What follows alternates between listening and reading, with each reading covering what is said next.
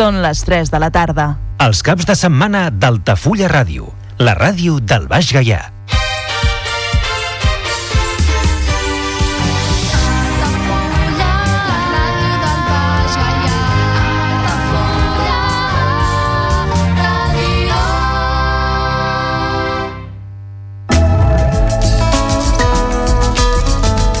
L'agenda Altafulla Ràdio.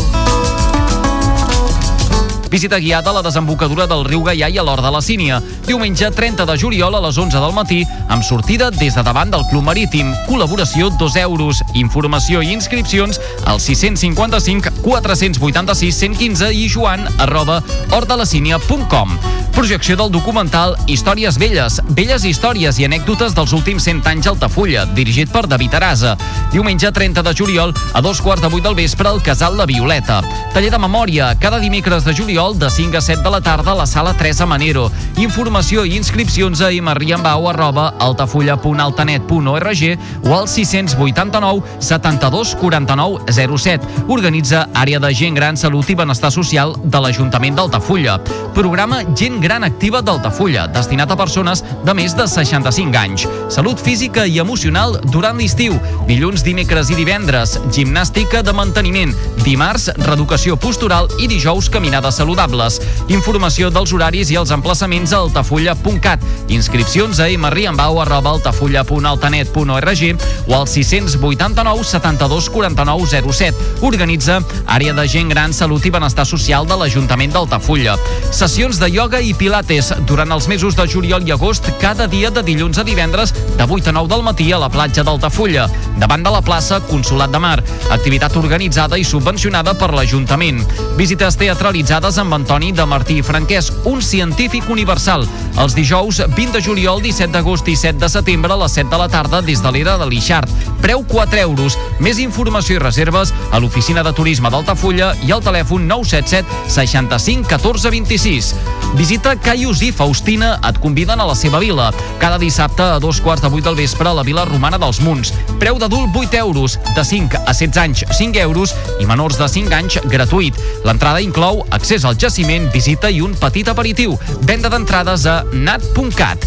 Visites guiades a la Vila Closa d'Altafulla, cada dilluns a les 7 de la tarda amb sortida des de la porta reixada del castell.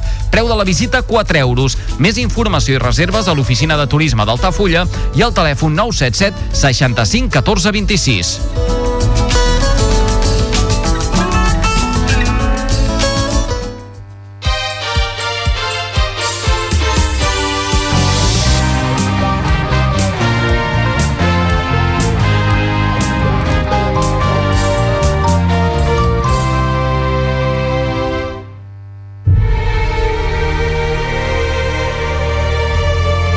D'aquell cinema? Cinema clàssic a Altafulla Ràdio, amb Andrés de Andrés. On la música de cinema és el fil conductor. Cada cap de setmana a Altafulla Ràdio parlem d'aquell cinema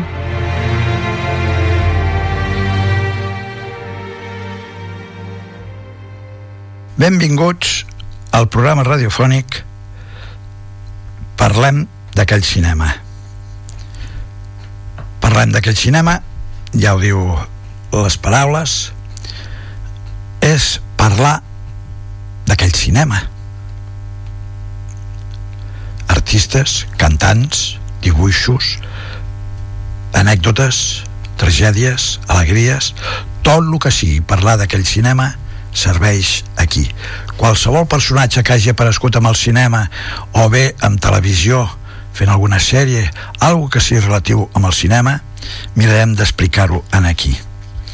Anem a parlar d'un gran tenor que va ser actor de cinema també, però sobretot, sobretot, va ser un gran tenor. Mario Lanza. Els diaris publicaven moltes coses d'ell quan va morir però quan va fer 61 anys l'any passat 61 anys que era la mort de la, o sigui, l'aniversari de la mort de Mario Lanza posen els diaris el tenor que quiso hablar con Dios el tenor va morir el 7 d'octubre de 1959 a Roma És curiós que Mario Lanza va néixer al mateix any en què moria Enrico Caruso, l'altre gran cantant d'òpera, i això va ser l'any 1921.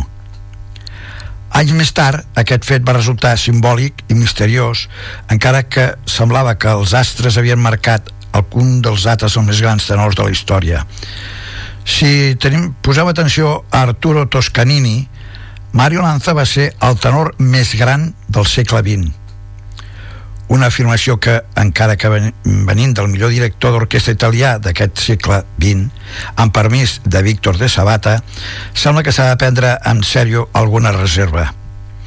Però, si amb l'artístic Mario Lanza va acabar per no donar satisfacció del tot als que més exigents aficionats lírics, sobretot per una qüestió d'estil i trajectòria operística en general, s'ha de saber reconèixer que estem davant d'un autèntic mític de la lírica per diverses raons, inclús davant d'una fita bastant representativa de cert tipus de cine que amb els anys, amb els anys 50 fabricava Hollywood. També va construir eh, d'una grandesa la seva llegenda personal, la seva prematura mort, com hem dit, el 7 d'octubre de 1959, als 38 anys, i la seva tràgica experiència personal. S'ha arribat a, a, a insinuar que inclús pogués ser envenenat per Lucy Luciano, aquell mafiós, per negar-se a cantar a un concert on assistiria tota l'èlite de la Cosa Nostra. Després de la seva mort, sembla que degut a una embòlia pulmonar, la seva viuda intenta suïcidar-se, el més jove dels seus quatre fills mora d'un atac al cor. La seva filla gran mor atropellada en una autopista i el seu fill més gran, Damon, mora d'un infart. El propi tenor sobreportava com podia les seves numeroses ensopegades de salut i problemes econòmics. A part dels seus excessos amb la bebida, amb la beguda, per si la debilitat del seu cor no fos suficient, la pressió en la que es veia sumès per Hollywood l'obligava a sometre's a forçades dietes d'aprimament abans de cada rodatge. Va fer diverses pel·lícules. Les més conegudes són Serenade, 1955, dirigida per Anthony Mann, amb Joan Fontaine i Sara Montiel. I El gran Caruso, la més popular d'ell, de l'any 1951, dirigida per Richard Thorpe. Anem a sentir la primera peça d'aquest gran cantant que va ser Mario Lanza, un tema de Gerda Bellinson i Giacomo Puccini. Mi canción, mi amor.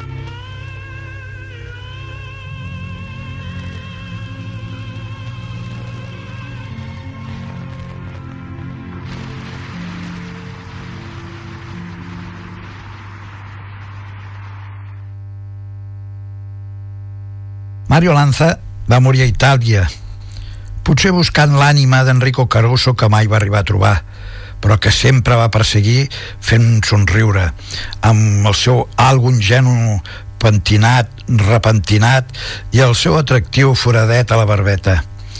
Alfredo Arnold Cocozza, que era com en realitat es deia quan va néixer a Filadèlfia, masculinitzar i es va apropiar del nom de la seva mare, immigrant italiana.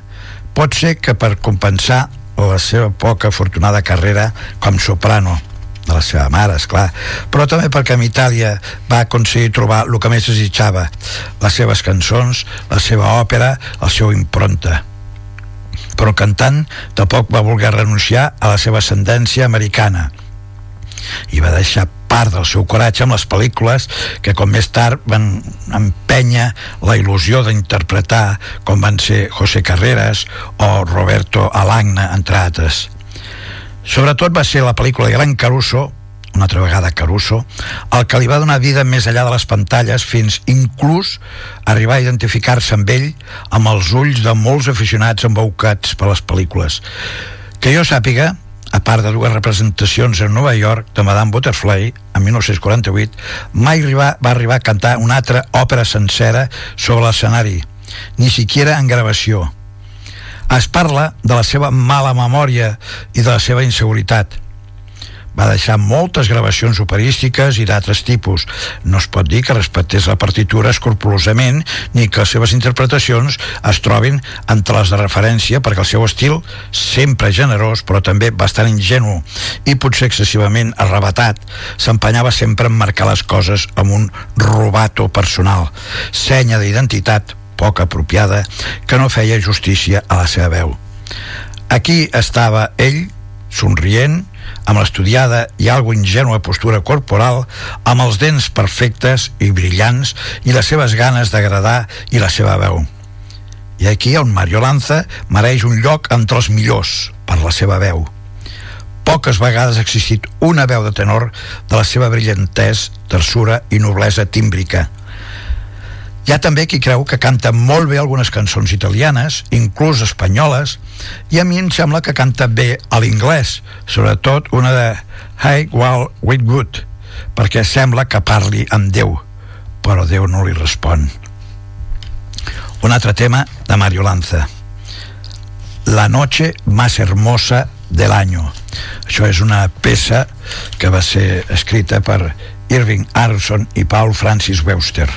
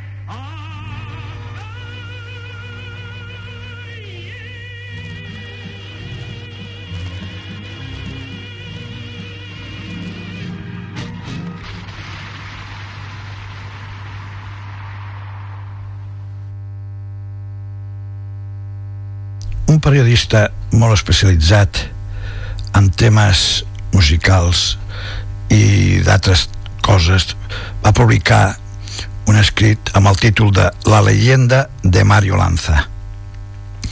I diu així a finals de maig de 1948 Mario Lanza va vindre a cantar a Mèxic amb el que seria el final de la gira del 86 concerts amb el seu Bel Canto Trio que va començar a Canadà va seguir pels Estats Units fins a arribar al nostre país li va agradar tant que quan es va tractar de filmar Serenata, que comença en juny de 1955, va triar Mèxic per fer-ho, i a Sarita Montiel com una de les protagonistes. La va veure per primera vegada en una pel·lícula mexicana i la seva filla Colin li deia a Lanza que era la dona més bonica que havia conegut a lo llarg de més de mig segle. Els més grans tenors han dit que el millor de quasi tots va ser Mario Lanza. La seva vida és quasi desconeguda per la majoria de les noves generacions i de totes maneres els seus discos se segueixen venent i les seves pel·lícules se segueixen mencionant com joies de les grans interpretacions. La seva veu era bonica i potent. Feia uns mesos el cantant havia ho hagués, hagués complert 92 anys de vida perquè va néixer a Filadèlfia el 31 de gener de 1921 però desgraciadament no va ser així. Mario Lanza va morir molt jove per la gran fama que va deixar. Tenia 38 anys d'edat i va ser el 7 d'octubre de 1959 sobre les causes de la seva mort hi han dues versions. L'oficial que diu que un coàgul de plena eh, a, la, a la cama se li va anar al cor i li va causar un infart fulminant i un altre assenyala que el coàgul que li va anar al pulmó amb el que li va acusar, eh, o sigui, ocasionar també la mort.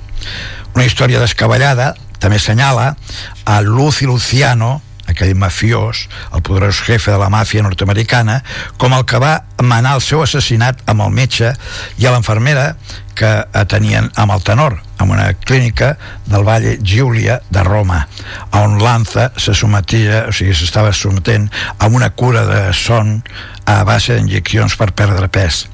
Això ho va fer-ho com venjança perquè Mario Lanza s'havia negat a anar a un concert benèfic en Nàpoles, segons el seu entrenador de gimnàsia, amb el documental The American Caruso, que va presentar Plácido Domingo l'any 1982. La causa de la seva mort va ser que li van injectar aire a la vena. Això diu el mencionat entrenador que el metge i infermera van desaparèixer a la clínica al matí d'aquest dia. Li havia passat cantant ell s'havia, el Mario s'havia passat cantant eh, per les enfermeres i un dels empleats del lloc va declarar amb el documental que cantava a los dioses això va ser publicat l'any 2005. Encara que la seva habitació estava en el quim pis, se li escoltava perfectament des del vestíbul gràcies a la potència de la seva veu. Fa alguns anys, quan això va escriure, es va publicar per primera vegada, hi va haver una magnífica resposta als lectors i van faltar les aportacions i versions diverses a prop de les verdaderes causes de la mort del tenor. Però els problemes de salut que efectivament mantenien a Mario Lanza fent eh, eh, queixat en tot, a Lanza indiquen com el més probable de l'infart cardíac. Els últims actos, dates que es disposen mm, és que li permeten ampliar el tema Bueno, anem a sentir una altra peça de Mario Lanza. Aquesta sí que és una de les bones, bones, bones de Ruggiero León Cavallo. Vesta la juba.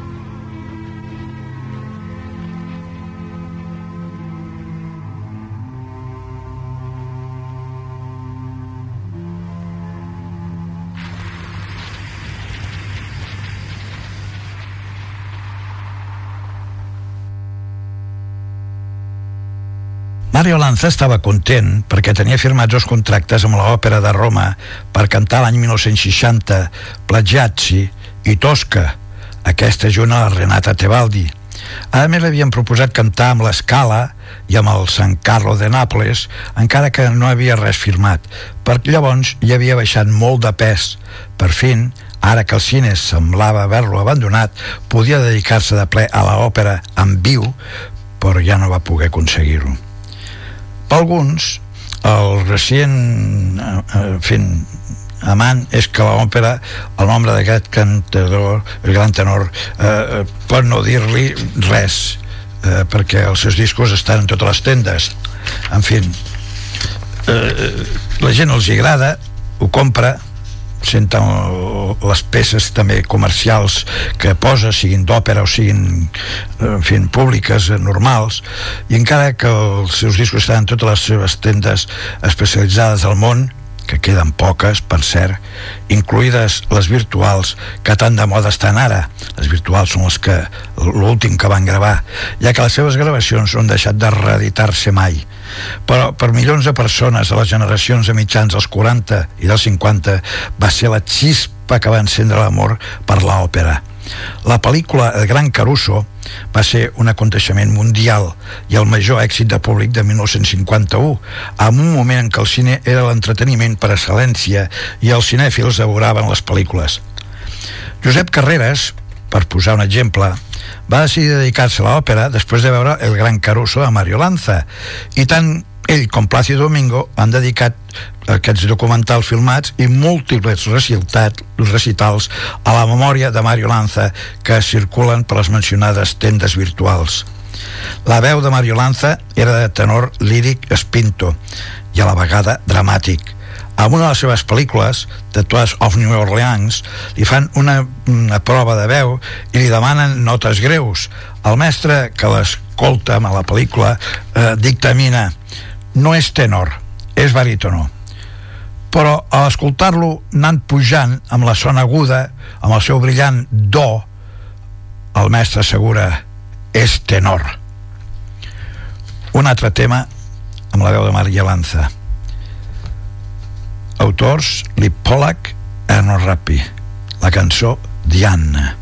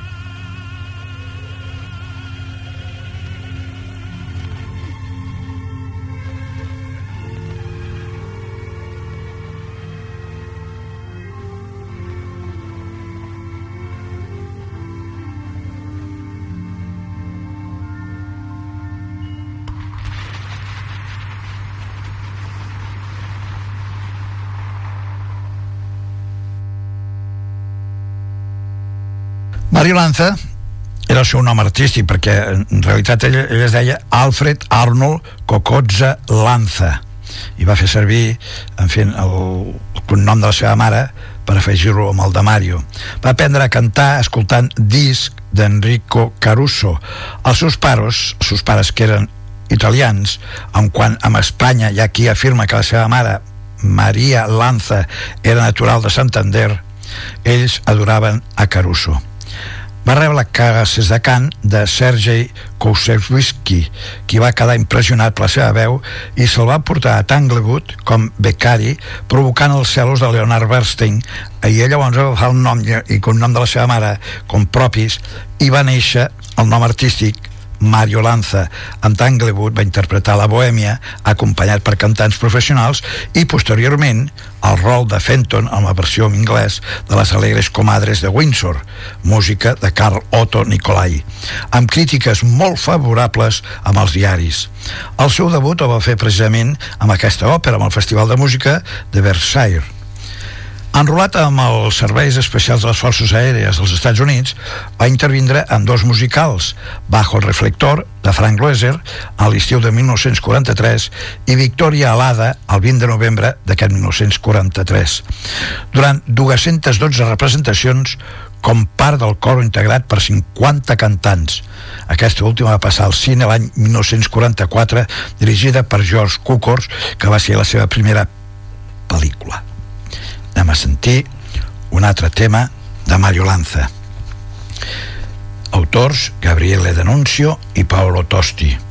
A Buccella és el títol de la cançó que sentirem de Mario Lanza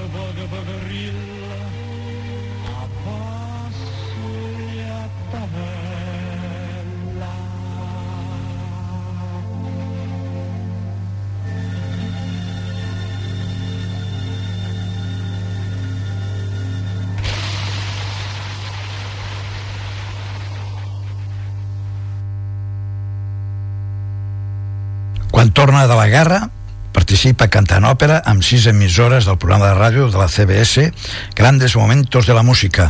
Això va ser l'octubre de 1945. Es va dedicar a donar concerts acompanyat al piano i en juliol de 1947 va formar el Bel Canto Trio en George London i la soprano francesa Yen Eva de Die Messingers del Liceu i això va ser el gener de 1955 i va oferir 86 concerts entre el 8 de juliol de 1947 i el 27 de maig de 1948 sota els auspicis del director Constantino Kallinikos que va acompanyar a Mario Lanza amb innumerables gravacions per la casa de discos RCA, companyia que el va tindre en exclusiva durant tota la seva vida. Amb aquests concerts, Lanza era el més aplaudit dels tres cantants i London estava al·lucinat amb la seva veu. Posteriorment, va arribar a dir que si vestia els tratges dissenyats pel príncep, però això era, no era veritat, perquè precisament en 1952, any de la reproducció, Lanza oferia una silueta més estilitzada del gran Caruso. El que realment va passar va ser que Curtis Bernard, el director propos, eh, proposat, va assistir a les gravacions, als playbacks, i no va estar d'acord amb l'èmfasis que Lanza eh, interpretava en una cançó i aquest va demanar un nou director i la MGM va optar per despedir el cantant el curiós del cas és que quan es va començar a rodar el Príncipe Estudiante, a 1954, la MGM ja no comptava amb Bernard i va proposar a Richard Torpe, en qui Lance va tindre una magnífica relació durant la filmació del Gran Coruso. Anem a sentir un altre tema, aquest també molt conegut, els autors Dorothy Donnelly i Sigmund Romberg. El tema Serenata.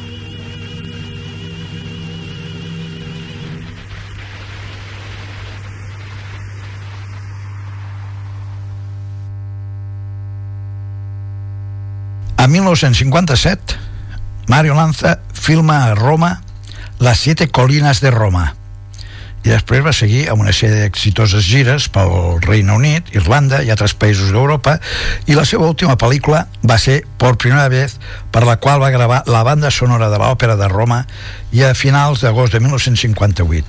Aquí, el director artístic de la mateixa, Ricardo Vitale, li va oferir el paper de Canio amb l'òpera i Pagliazzi per la temporada 1960-1961. Però la seva salut anava de mal en pitjor li va donar febritis aguda i tenia hipertensió arterial.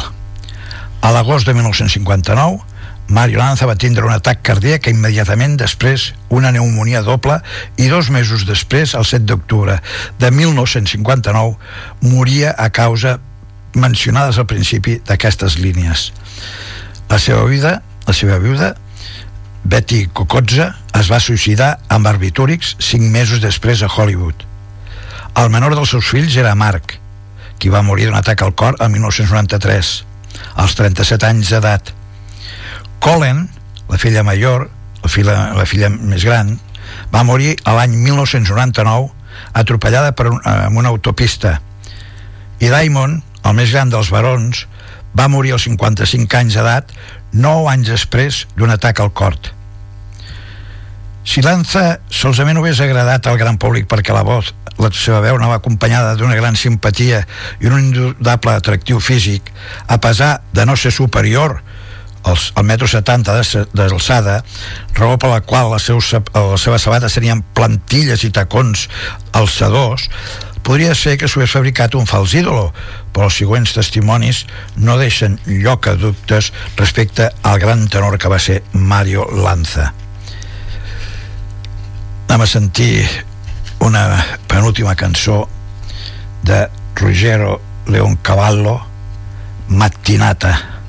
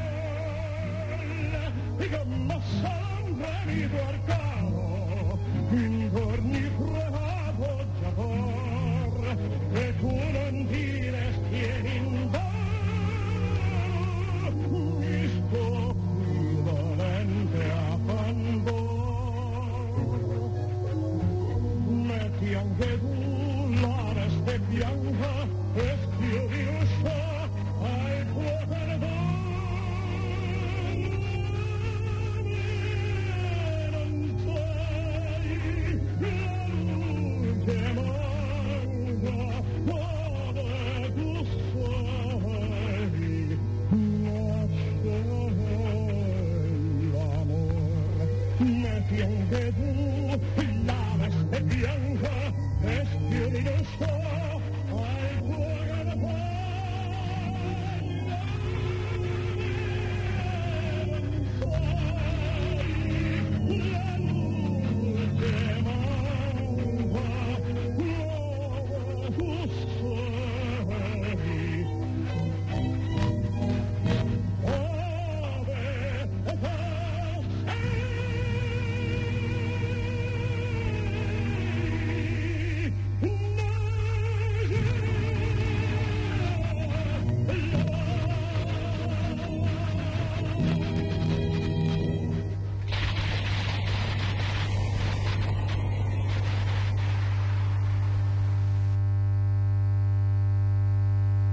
Toscanini va dir Mario Lanza té una veu no una veu, té la veu més gran del segle.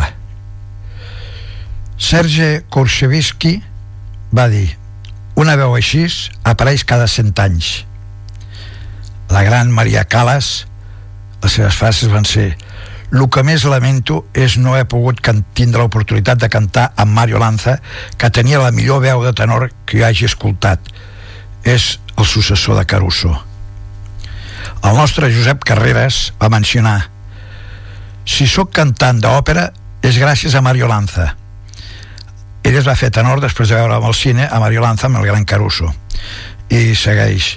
La seva magnífica veu va enriquir les nostres vides i ens va introduir en un ampli espectre de música clàssica i popular. Giuseppe Di Stefano deia no crec que es donés compte de lo bo que arribava a ser. Luciano Pavarotti també va fer el seu comentari. Tenia una veu fantàstica, no sols meravellosa, sinó fantàstica. Plácido Domingo també va afegir el seu comentari tenia una veu d'enorme impacte dramàtic. La gran Renata Tebaldi. Lanza tiene la voz de tenor natural más bella que escuchado. Lawrence Tibet. Dintre de 50 anys, la gent reconeixerà a Lanza com el gran artista que és. Això va dir-ho l'any 1950. Franco Corelli.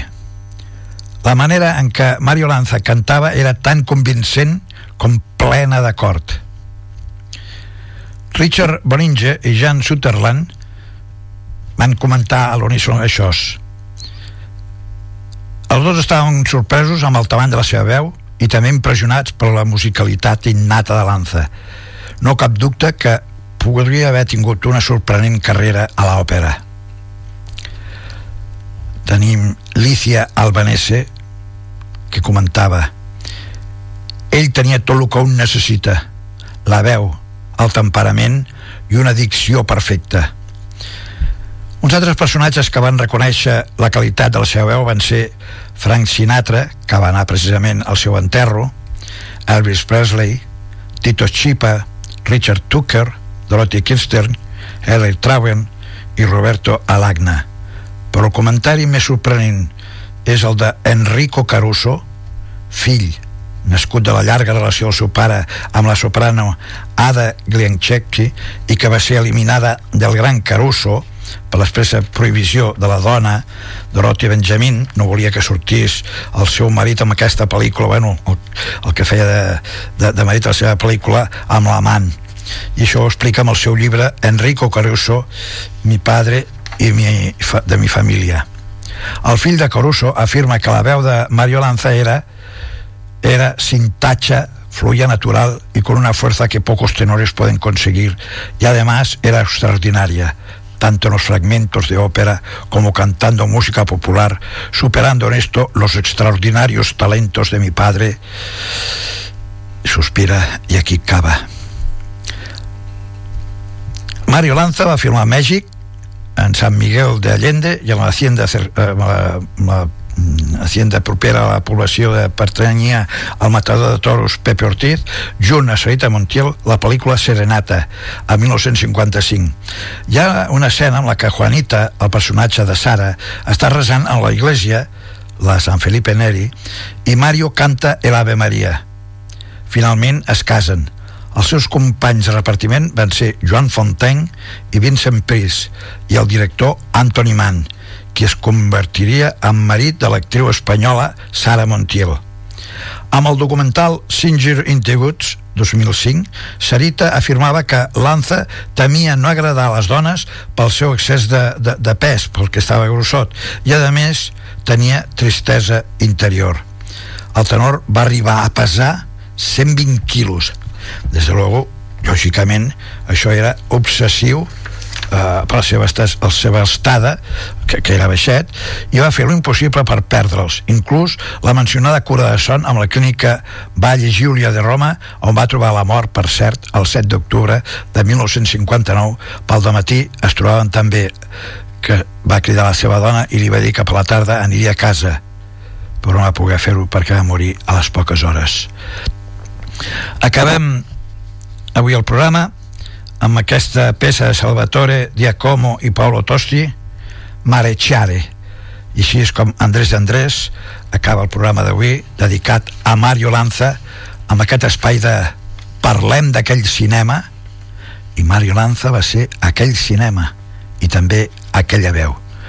Moltes gràcies per seguir-me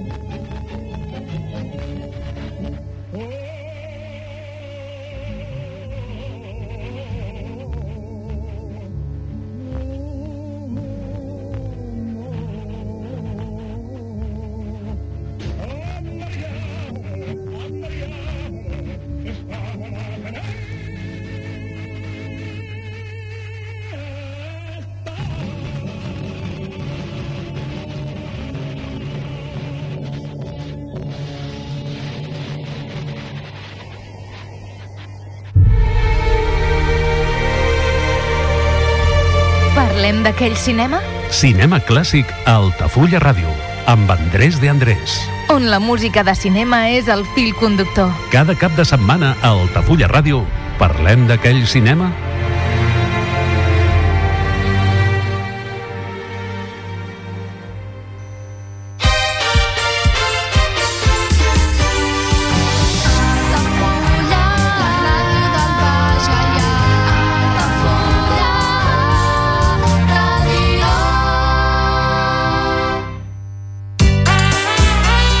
Aquamare Group inaugura un nou restaurant mexicà a Altafulla, el Tic Taco. Tic Taco és una proposta ideal per descobrir l'essència dels millors tacos i una cuina mexicana fresca i informal. El trobaràs a la via Augusta número 13, al costat del restaurant japonès Suko. Reserves al 977 65 11 55. Tic Taco, la joia de la gastronomia mexicana, al costat de casa. Ja coneixes les propostes que t'ofereix el Club Marítim Altafulla? Vine i descobreix totes les nostres activitats. Sortides en caiac o pa del surf, cursos de vela per a totes les edats. No t'ho perdis i gaudeix d'un dels esports més segurs d'aquest any. Club Marítim Altafulla. Obert tot l'any i per a tothom. Al meu país la pluja no sap ploure. Canvi climàtic asseca els rius, posa en risc l'abastament d'aigua i la producció d'aliments.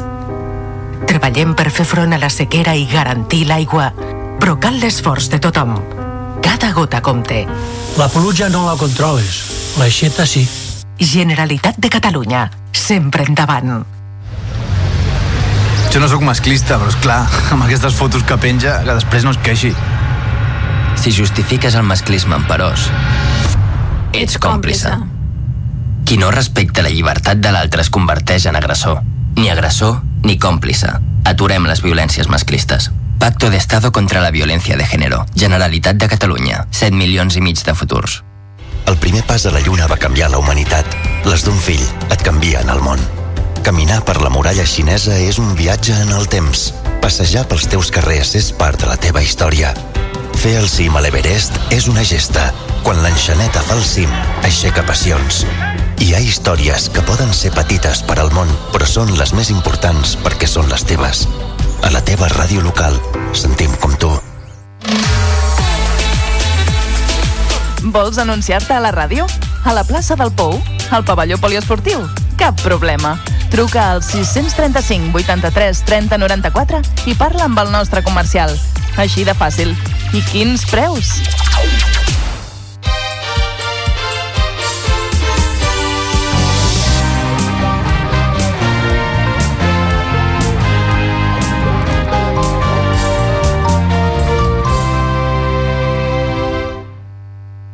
Rodejat de gent i em sento sol Fa ja masses dies que no aixequem el vol.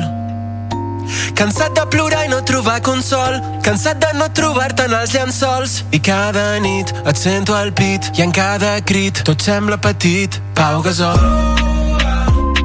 Si per més que busco no et puc trobar i Aixeco les mans però no trobo paraules. Cansat de buscar i cansat de cansar-me d'una manera o una altra. MVP de la lliga que vaig crear. Jo ja feia això abans d'aprendre a fightar-me. I no sóc violent però m'haig de defensar-me. Volia la mansió i està plena de fantasmes. Sim, ara el meu equip juga en primera. Bang, disparem directe a la cistella. Perquè això era el que volia des de l'escola Bressol. De 0 al 100 de baix al top sentir-me com Pau Gasol. I la veritat està bé, però valoraria més arribar a casa i no haver de dormir sol. I que haig de pensar? Que vas de farol si deies que m'estimaves i ara no sé què vols. Per cada frase que escric perdo un amic i una futura ex. Només volia ser feliç però merda és massa complex. Ni pasta ni joies, en filla no em queda res. Perquè estic perdent de 4 i màxim tiro de 3 Dami! Rodejat de gent i em sento sol. Fa ja masses dies que no aixequem el vol Cansat de plorar i no trobar consol. Cansat de no trobar-te en els llençols. I cada nit et sento al pit I en cada crit tot sembla petit. Pau Gasol. Si per més que busco no et puc trobar i Aixeco les mans però no trobo paraules. Cansat de buscar i cansat de cansar-me. Vinc a trobar-te d'una manera o una altra les coses que he deixat de banda per sortir-me de lo estàndard. La gent que no en parla a contracorrent en temporal i sense ancla. I quan passi la guerra i només ens quedin galons, veurem si ha valgut la pena buidar els carregadors. Era màgic com Johnson, només queden records dels polvos convertits en cendra que transformo en cançons. I a l'últim quart d'un partit difícil de remuntar, mal dilema personal de no saber si vull tirar la cara B de la fama, la foscor de brillar, quan només tens boles negres en el teu billar. El capità a la zona de 3 segons, però ningú fa la liup, fora de la realitat com el doctor Tornassol. Em sento cop a Guasol. Rodejat de gent i em sento sol. Em sento sol. Fa ja masses dies que no aixequem el vol. No aixequem el vol. Cansat de plorar i no trobar consol. Cansat de no trobar-te en els llençols. I cada nit et sento al pit i en cada crit tot sembla petit. Pau Gasol. Si per més que busco trobo paraules. Cansat de buscar i cansat de cansar-me. Vinc a trobar-te d'una manera o una altra.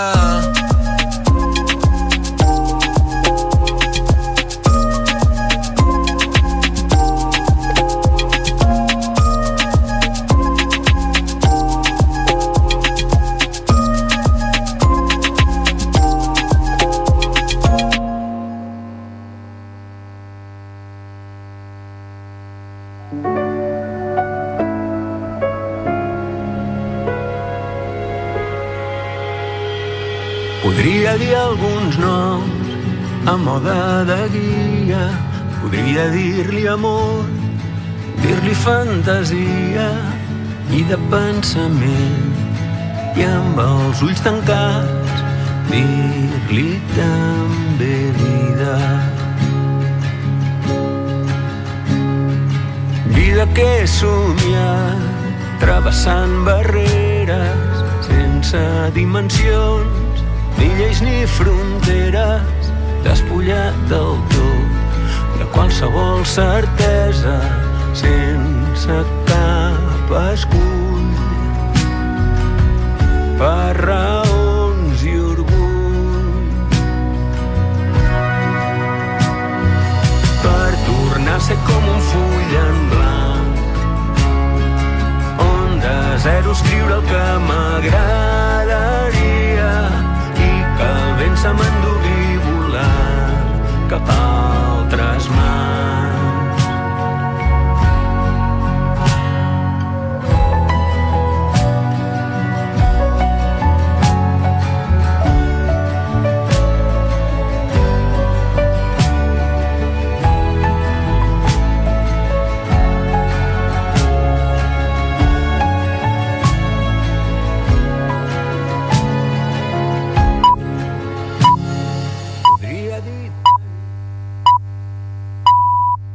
Són les 4 de la tarda.